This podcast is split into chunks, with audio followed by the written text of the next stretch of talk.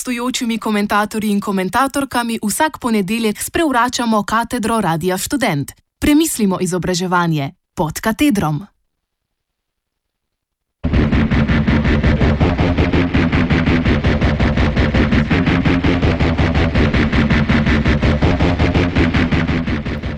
Kdaj bodo begunci diamantni maturanti?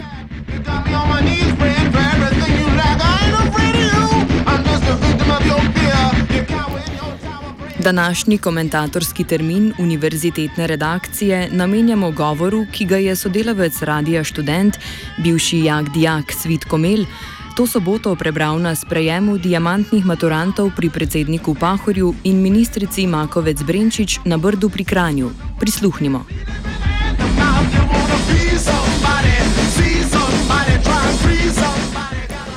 Gospod predsednik, gospa ministrica, ravnateljice, ravnatelji, vsi zaslužni in prisotni. Naj se vam najprej v imenu letošnje generacije diamantnih maturantk in maturantov zahvalim za ta sprejem, zlasti pa za možnost, da vas ob tej priložnosti nagovorim. Mislim, da se vam lahko najbolje zahvalim z razmislekom. Ko posamezniki iz vrha družbe gledajo tiste na dnu, morajo razumeti, da ta hierarhija ni nastala zaradi tega, ker bi bili spodnji preprosto slabši in manj nadarjeni, temveč predvsem zato, ker nimajo enakih možnosti.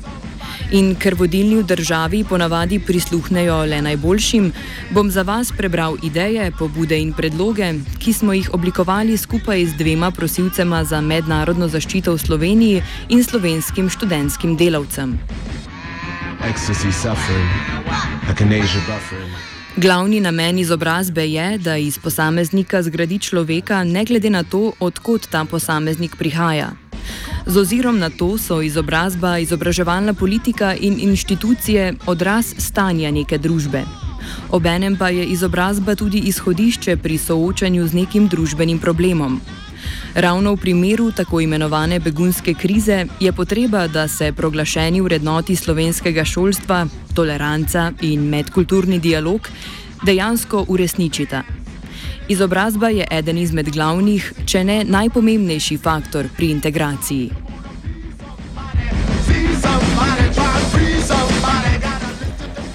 Zaradi slabih razmer, ki spremljajo proces za pridobitev azila, zlasti omejitev mesečnih financ na 18 evrov, si prosilci in prosilke za azil zaradi previsokih cen knjig, prevoza in pomankanja prostorov za učenje ne morejo privoščiti izobraževalnih programov, tudi če so v njih sprejeti.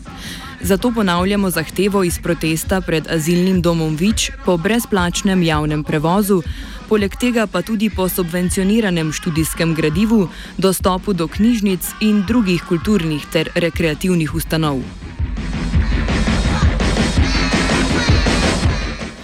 Potrebujemo posebne programe za ljudi, ki ne govorijo slovanskih jezikov ali angleščine.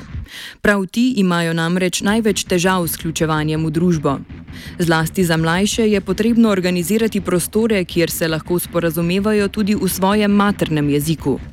Ravno tu se ponuja priložnost, da se kot leta 1992 v novih programih in šolah kot učitelje vključi begunce.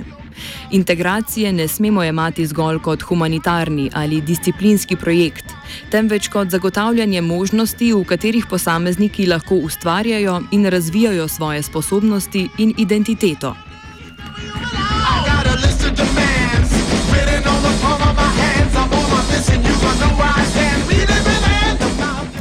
Na mesto spreminjanja varnostne zakonodaje, ulaganja v vse ostrejši nadzor in zapiranja prostora, raje povišajmo proračun za šolstvo in zagotovimo nemoteno izobraževanje.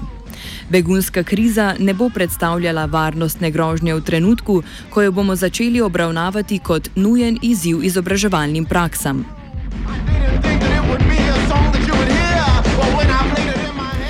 V smeri vključitve prosilcev za azil v šolski sistem je bilo že narejenih nekaj korakov v pravo smer. Poleg potrebe po nadgradnji teh praks je problem veliko krat v birokraciji, ki prosilcev ne seznani z možnostmi, ki so jim že na voljo. Vključevanje prosilcev za azil v izobraževalni sistem bi moralo biti izključno v domeni Ministrstva za izobraževanje in ne Ministrstva za notranje zadeve.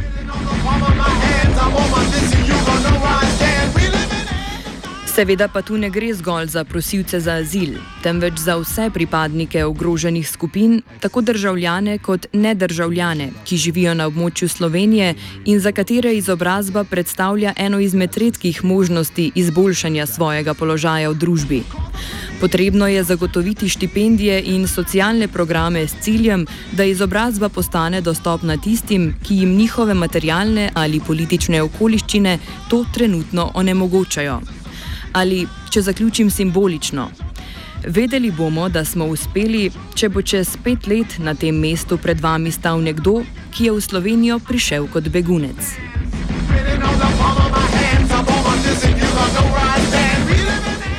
Diamant je svit komel.